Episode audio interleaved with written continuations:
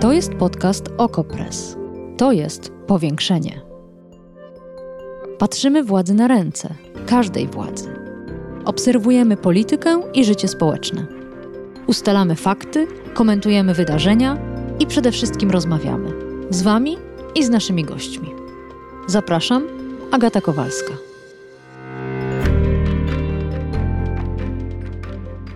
Czy wojna w Ukrainie zmienia się w wojnę o Donbas? Na czym opierają swoje sukcesy Ukraińcy? I skąd się biorą rosyjskie porażki? Jak to możliwe, że wielka armia wielkiej Rosji nie jest w stanie zająć nie tylko Kijowa, ale nawet przejąć pełnej kontroli nad pseudorepublikami, czyli okupowanymi przez siebie terytoriami donieckim i ługańskim? A może te pytania są zbyt optymistycznie sformułowane?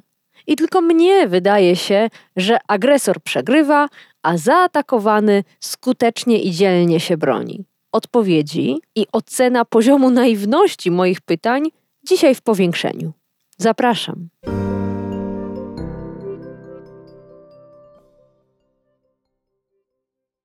A gościem powiększenia jest Witold Głowacki, dziennikarz Okopres i autor analiz sytuacji na froncie, które codziennie publikujemy w naszym portalu. Dzień dobry. Dzień dobry, Agato, dzień dobry Państwu. Dużo tematów przed nami. Część to też pytania słuchaczek i słuchaczy powiększenia. Zacznijmy od rzutu ogólnego z góry. Czy wojna w Ukrainie zmienia się w wojnę o ukraiński Donbas, wojnę w Donbasie?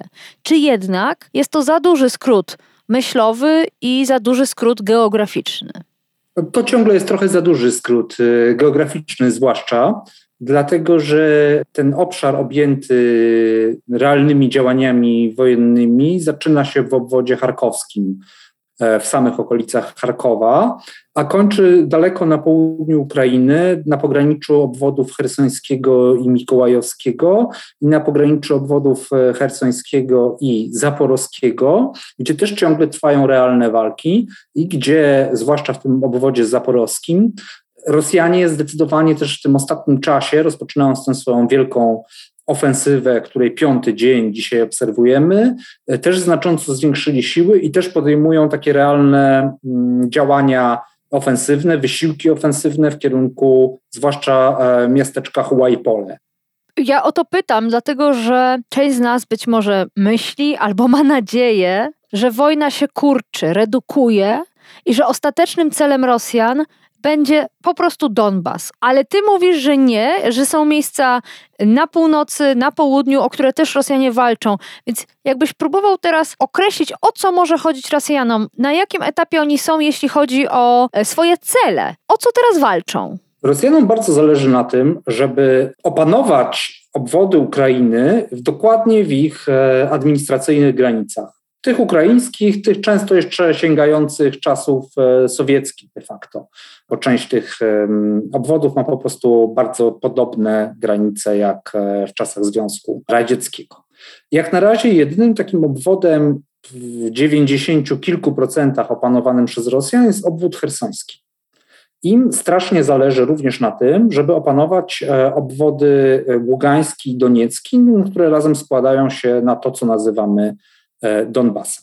Ale ewidentnie próbowali opanować również e, obwód zaporowski i ciągle podejmują wysiłki w e, tym kierunku i w tę stronę. Dlaczego to Zaporoże jest takie ważne? Ono jest ważne może mniej z przyczyn takich historyczno-symbolicznych, choć też można by ich tutaj szukać. Jednak pamiętajmy, że to jest taki, tak, tak, taki obszar, który był tym matecznikiem kozaczyzny, więc też byłby jakiś cios w ukraińską tożsamość.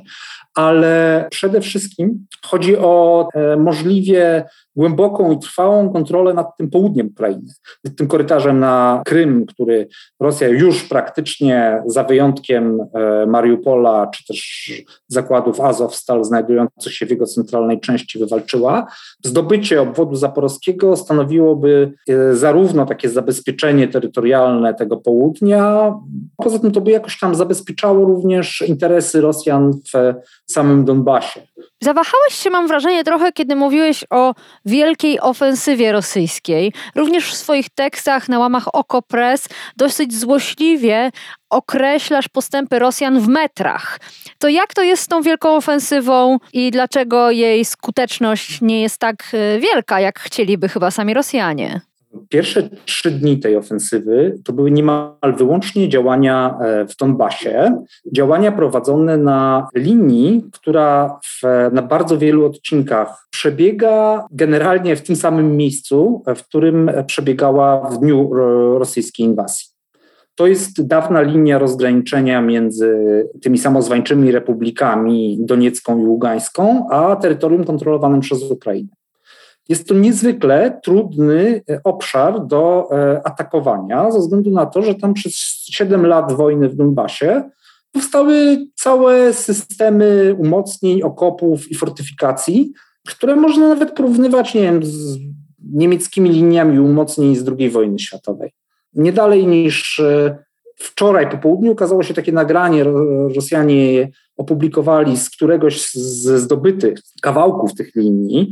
I to nagranie przedstawia bunkry z kopułami pancernymi wykonane z e, żelbetonu, potężne, takie półmetrowej grubości stalowe drzwi w niektórych tych bunkrach, całe systemy okopów, takie wieloliniowe i wielowarstwowe, rozmaite zapory przeciwczołgowe poumieszczane pomiędzy tym wszystkim, zasieki, etc. No jest to bardzo trudny teren do atakowania i szturmowania. Natomiast pierwsze trzy dni rosyjskiej ofensywy polegały na tym, że Rosjanie głównie albo w dużej części siłami tych e, armii czy też milicji separatystycznych pseudorepublik próbowali te e, ukraińskie pozycje szturmować, ponosząc zresztą takie znaczne straty. Nie rozpoczęli natomiast tego, co mogłoby być potencjalnie dla Ukraińców najgroźniejsze, czyli manewrów okrążających Donbas takim podstawowym miejscem i obszarem, z którego taki manewr Rosjanie z całą pewnością planowali i planują poprowadzić, e, jest rejon Izium. Tam w tej chwili jest skoncentrowanych około 25 rosyjskich batalionowych grup taktycznych, czyli tak lekko licząc nieco ponad jednej trzeciej wszystkich sił zaangażowanych przez Rosjan na Ukrainie. Przepraszam, nieco mniej niż jedna trzecia, ale nadal bardzo dużo.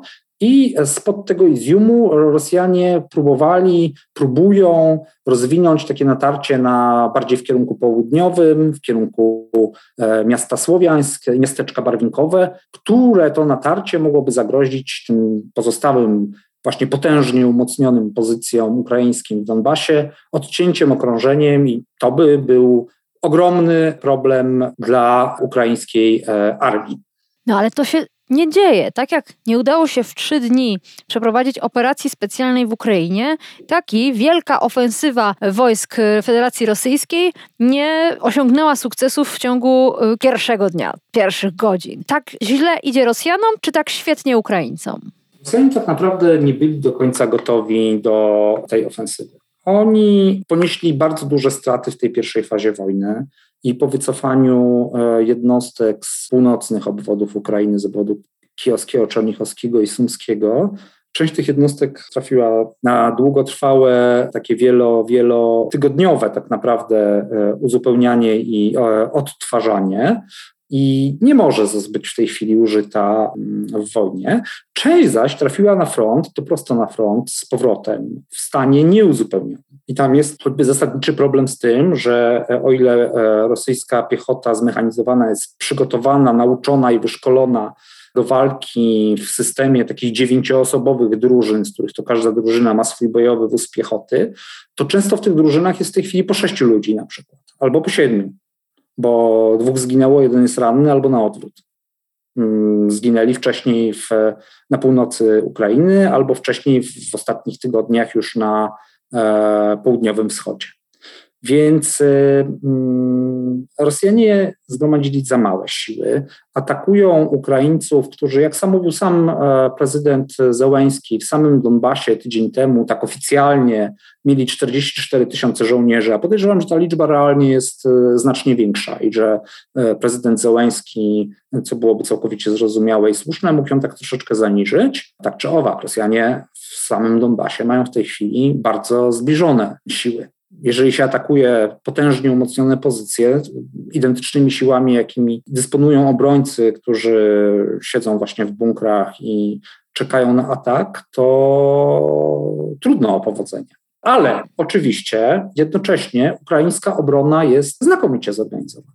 I szczególnie to widać właśnie w rejonie Iziumu, gdzie Ukraińcy prowadzili różne takie działania kontrofensywne trochę dookoła tego rejonu, zarówno od jego zachodniej, jak i wschodniej strony, na różne sposoby, dezorganizując działanie tych 25 rosyjskich e, batalionowych grup taktycznych, które tam zostały zebrane, i na różne sposoby naruszając ich linię zaopatrzenia, i e, linię uzupełnień, czyli robiąc bardzo podobną rzecz, jaką ukraińska armia robiła podczas bitwy o Kijów. Tak. Mm, też mhm. cały czas dążąc do tego, żeby Rosjanom tę główną drogę zaopatrzenia prowadzącą przez Iwanków odciąć, zaburzyć, żeby ona się chociaż znalazła na chwilę w zasięgu ukraińskiej artylerii. I to się od czasu do czasu udawało. Bardzo podobna rzecz ma się z sytuacją pod Iziumem. Tam jest taka droga będąca odpowiednikiem mniej więcej tej, e, prowadząca e, do miejscowości Kupiańsk, dokąd dochodzi transport kolejowy z Rosji i tę drogę e, również Ukraińcy starają się objąć zasięgiem swojej artylerii i również od czasu do czasu im się to udaje. Więc tam po prostu część tych e, zgromadzonych przez Rosjan sił, zamiast atakować w kierunku Słowiańska i Barwinkowego, musi ubezpieczać cały ten rejon koncentracji albo po prostu walczyć z Ukraińcami na jego obrzeżach. Hmm. Więc to, że Ukrainie udaje się wstrzymywać tę ofensywę z pod Izium w kierunku południowym, z pod Iziumu, to jest wielki sukces ukraińskiej armii i to się może przyczynić do w ogóle niepowodzenia całej rosyjskiej ofensywy, bo inaczej ona będzie się po prostu rozbijać o e, mur tej e, obrony na dawnej linii rozgraniczenia. Właśnie dlatego lubię rozmawiać z Witoldem Głowackim. Nie dość, że zna się na tym, o czym mówi, to jeszcze pozostaje wciąż optymistą. Odsyłam do poprzednich odcinków powiększenia z jego udziałem. To taki mały przerywnik. A propos Kijowa, o którym wspominałeś, o obronie Kijowa, okazuje się, że część uchodźców i uchodźczyń z Ukrainy wraca do domu, choćby na chwilę, na święta, często do rodziny, która nie mogła wyjechać. Zastanawiam się, czy będą bezpieczni. Czy ci, którzy wrócą do Lwowa, albo właśnie do Kijowa pojadą, albo będą w którymś z miasteczek rozsianych po zachodniej i centralnej Ukrainie. Czy oni mogą liczyć na to, że pozostaną cali i zdrowi? Ja nie umiem odpowiedzieć na to pytanie, ale jednego jestem pewien. Oni też się e, o to martwią, oni też się nad tym zastanawiają i oni też się tego obawiają. Ale to może być na przykład jedyna okazja do spotkania z tym tam tatą czy mężem, który na święta dostanie jednodniową przepustkę, bo akurat ma to szczęście, że nie służy mm, w Donbasie, tylko na przykład ubezpiecza rejon Kijowa i, i akurat w losowaniu na niego padło, że będzie mógł na chociaż jeden dzień świąt skoczyć do rodzinnego domu i spotkać się z rodziną. To jest możliwe. To jest też szansa na spotkanie z tymi, którzy zostali, bo z różnych przyczyn nie mogli albo bardzo nie chcieli się ewakuować do Polski czy do e, innych, e, tak gościnnych krajów.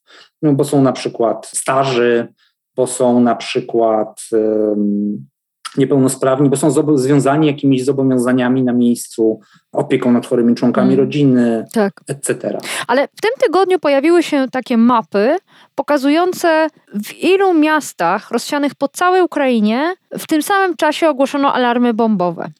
Czy to oznacza, że Rosjanie, jeśli zechcą, mogą w każdym momencie zacząć bombardować Kijów albo Lwów? Czy też sytuacja, w jakiej znajduje się rosyjska armia, nie pozwala na tak błyskawiczny atak na miejsca pozornie zabezpieczone? Mm, pozwala. To znaczy, Rosjanie ciągle dysponują pociskami manewrującymi, które mogą odpalać z Morza Czarnego albo z samolotów z nad terytorium Rosji i atakują cele w głębi kraju każdej nocy. To znaczy, Kilka dni temu mieliśmy ten duży atak na magazyny pod Lwowem i on był celny, choć zdaje się nie trafił w ten transport, niezwykle cenny transport broni, który miał trafić, e, ponieważ on zdążył już wcześniej z tego magazynu odjechać. No ale to był udany e, atak rakietowy na okolice Lwowa. Tak samo mieliśmy do czynienia z atakami w e, samym centrum kraju, w okolicach miasta Dniepr, w okolicach Zaporoża. Wczoraj bodajże eksplozja na jednym z węzłów kolejowych spowodowała to, że wybite zostały szyby e, w kilku wagonach pociągu ewakuacyjnego z Zaporoża do Lwowa. To też miało miejsce po prostu w środku kraju, więc tak, Ukraińcy żyją w warunkach, w których jest jakaś jakieś niewielkie, ale jest prawdopodobieństwo, że nagle z nieba może spaść pocisk rakietowy. I to dotyczy y, wszelkich części kraju. No nie dotyczy zapewne na przykład małej wioski, w której naprawdę nic nie ma, tak. bo to już jest w tej no chwili tak. dla Rosjan zbyt y, nieopłacalny cel. Oni muszą gospodarować tymi pociskami też w miarę racjonalnie, bo one im się po prostu kończą, więc wybiorą skład amunicji albo wybiorą węzeł kolejowy, przy okazji, no to oczywiście w, może to być węzeł kolejowy, którym będzie jechał akurat pociąg z tymi e, osobami wracającymi na święta. Więc tak, takie zagrożenie jak najbardziej niestety mhm. wciąż na terytorium w zasadzie całej Ukrainy istnieje. Mhm.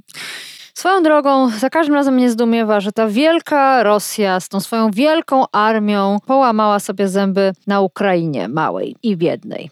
To za każdym razem będzie mnie zdumiewało, jak teraz Rosjanie muszą oszczędzać choćby swoje pociski.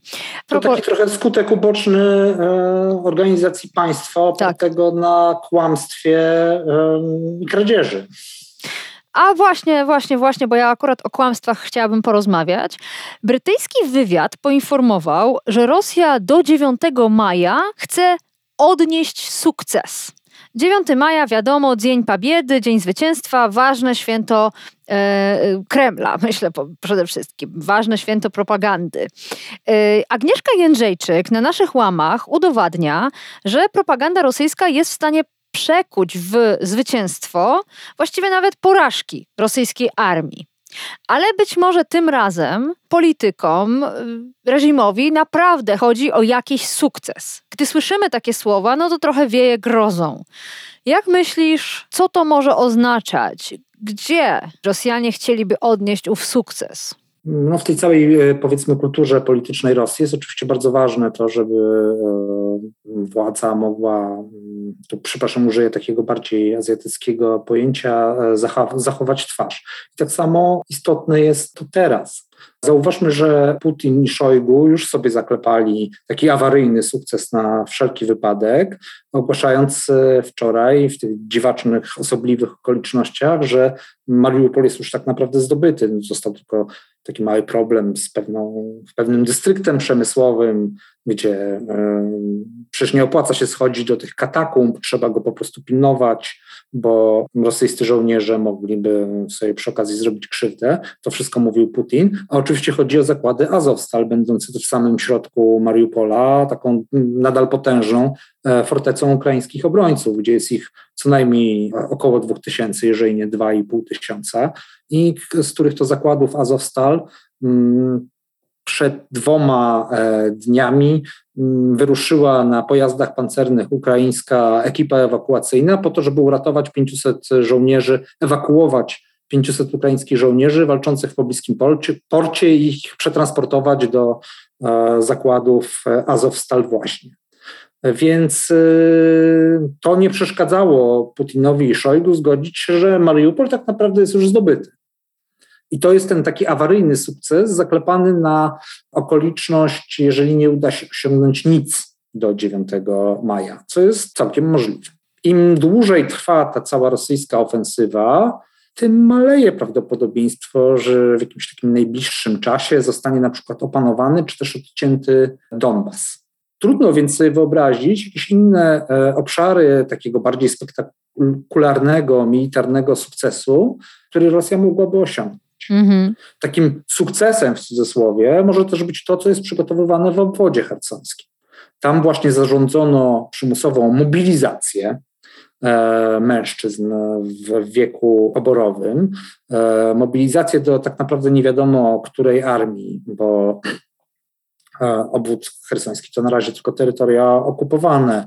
Jest tam, zdaje się, plan powoływania takiej pseudorepubliki podobnej do Ługańskiej, Donieckiej, ale to jeszcze nie ruszyło. Natomiast e, na 1 albo 2 maja już nie chcę pomylić daty, zwołano tam również referendum w sprawie odłączenia się tego obwodu e, hersońskiego od Ukrainy i oczywiście e, musimy sobie zdawać sprawę z tego, że to będzie pseudoreferendum, sfałszowane e, i przeprowadzone pod bagnetami e, rosyjskich żołnierzy. I warto tu od razu zaznaczyć, że opór społeczny w Hersoniu jest naprawdę bardzo, w mieście Hersoń na przykład, jest e, naprawdę bardzo wysoki. Tam bardzo długo odbywały się coraz brutalniej tłumione przez Rosjan wielkie takie pokojowe wiece protestującej ludności.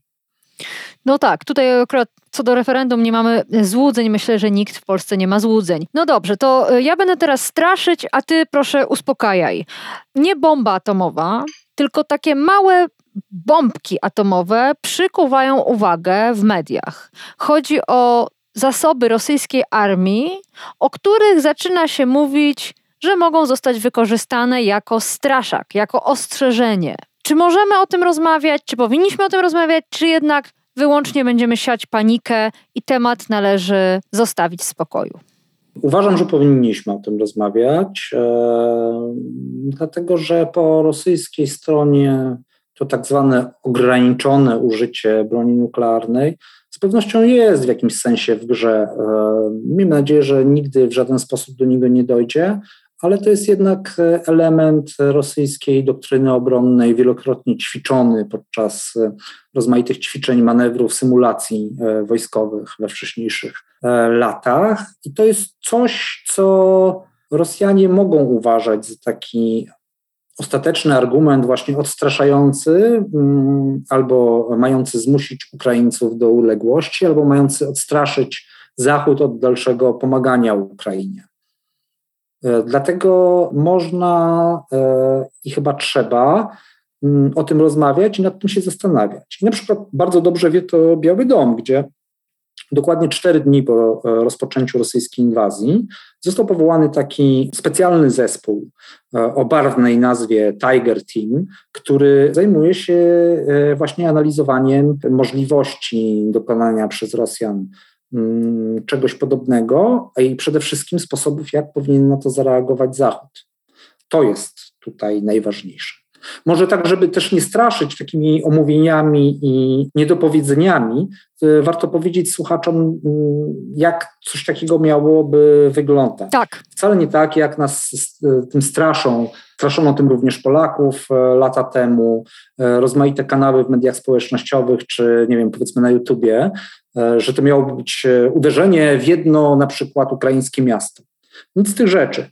Chodzi raczej o to, żeby wykonać uderzenie nuklearne o bardzo małej skali, kilkukrotnie mniejszej niż ta, z którą mieliśmy do czynienia podczas ataku na Hiroshima podczas II wojny światowej, na e, cel, czy też raczej na teren, e, w którym nie wyrzędzi ona żadnej mm, realnej, poważniejszej szkody. Czyli na przykład o odpalenie takiego bardzo niewielkich rozmiarów pocisku nuklearnego nad e, powierzchnią Morza Czarnego. Mm, tak, żeby gdzieś jeszcze z daleka, z wybrzeża mógł być obserwowalny grzyb atomowy. E, albo gdzieś e, na pustkowiu, na ukraińskim stepie, na przykład w tym pięknym rezerwacie przyrody na Półwyspie Chersonskim, ogromnym, też znowuż taka eksplozja nuklearna o bardzo małej skali, nie wyrządziłaby tam relatywnie istotnych szkód na dłuższy czas, tak? To moglibyśmy mówić nie wiem, o skażeniu kilometra kwadratowego na przykład. E, I to też nie na wieki wieków, tylko na jakiś czas. Mhm. Więc to by było coś, co nie oznaczałoby zapewne niczyjej śmierci, ani jakichś wielkich strat materialnych, ale byłoby takim no, piorunującym sygnałem dla społeczeństw Zachodu i oczywiście dla społeczeństwa ukraińskiego. Mm, jak również dla politycznych decydentów, zarówno na Ukrainie, jak i w e, krajach Zachodu. I tu pojawia się pytanie dopiero, jaka powinna być na to reakcja. Otóż to. Ale to zostawmy sobie na kolejne spotkanie. A na razie porozmawiajmy o tych reakcjach Zachodu, z którymi mamy do czynienia teraz.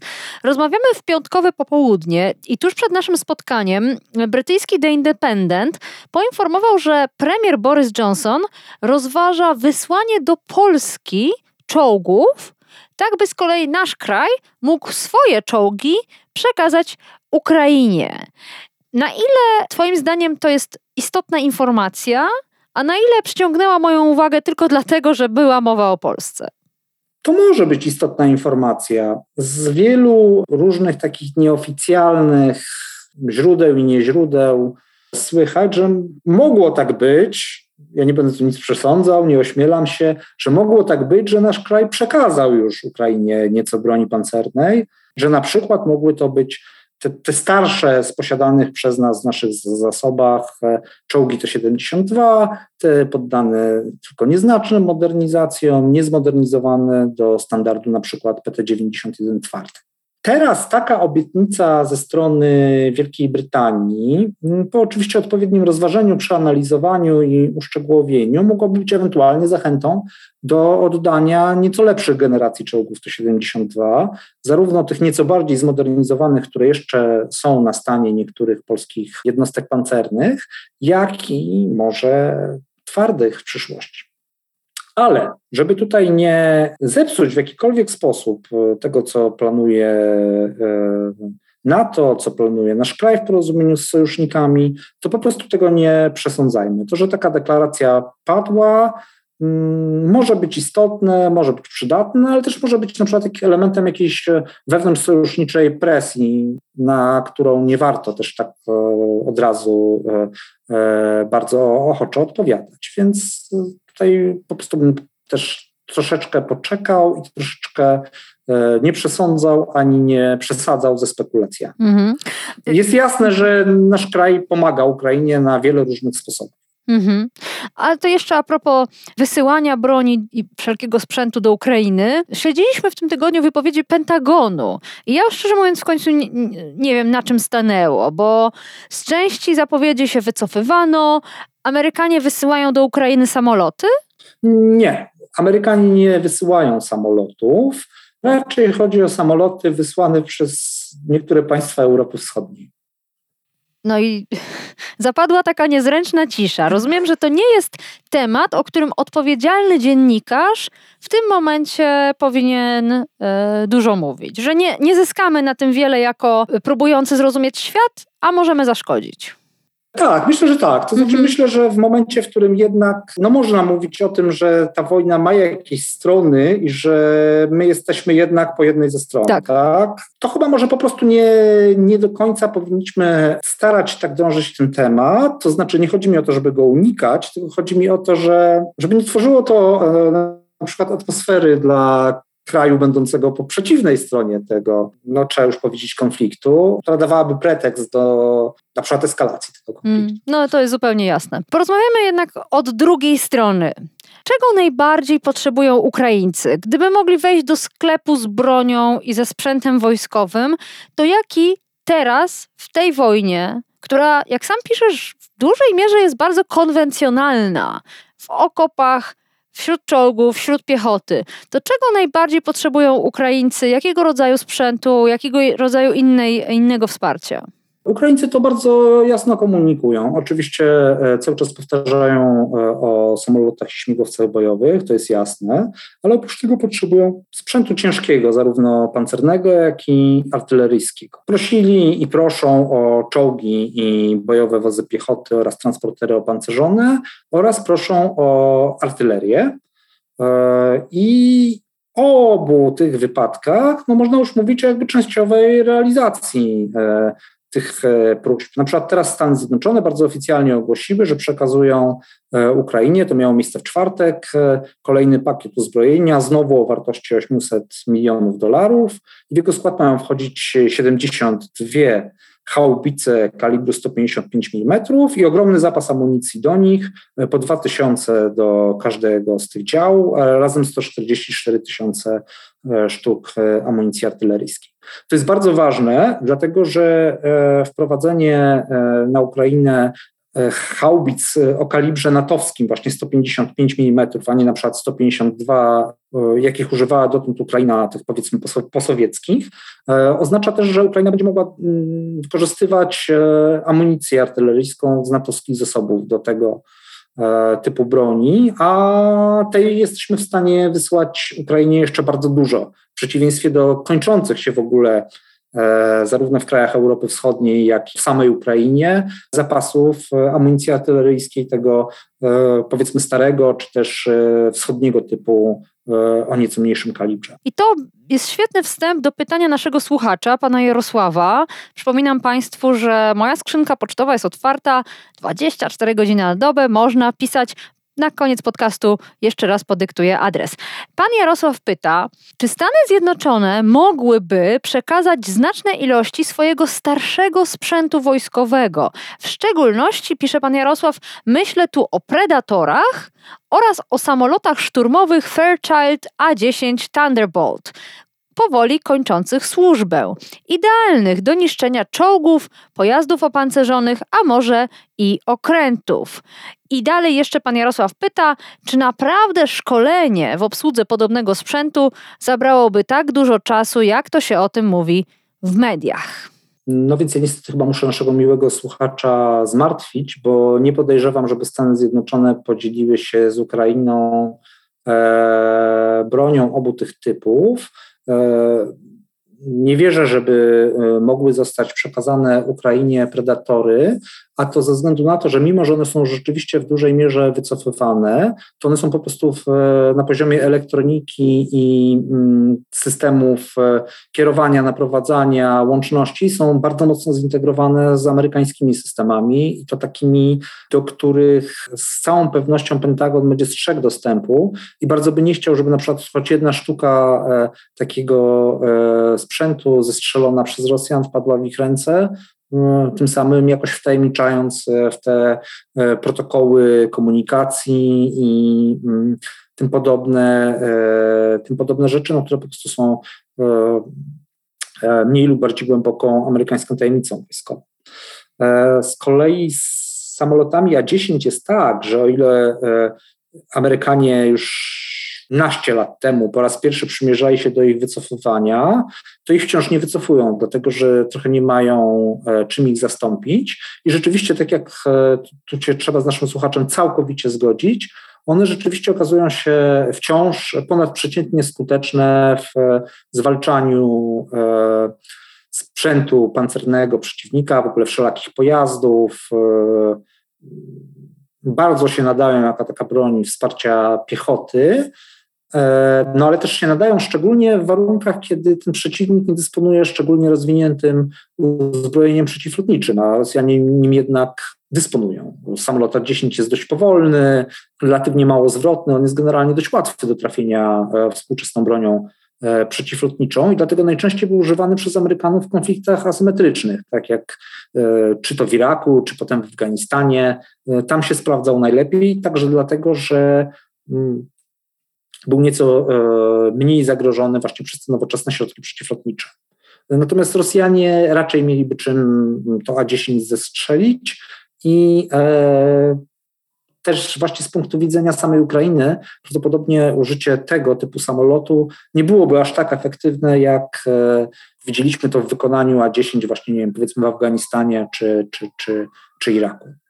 I tym pytaniem słuchacza i tą odpowiedzią Witolda Głowackiego kończymy ten odcinek powiększenia. Bardzo dziękuję e, Tobie, Witku, za to spotkanie i odsyłam Państwa na stronę Okopres, gdzie codzienne analizy sytuacji na froncie autorstwa Witolda Głowackiego należy czytać. Bardzo dziękuję jeszcze raz, Witku. Dziękuję, Gato, dziękuję Państwu.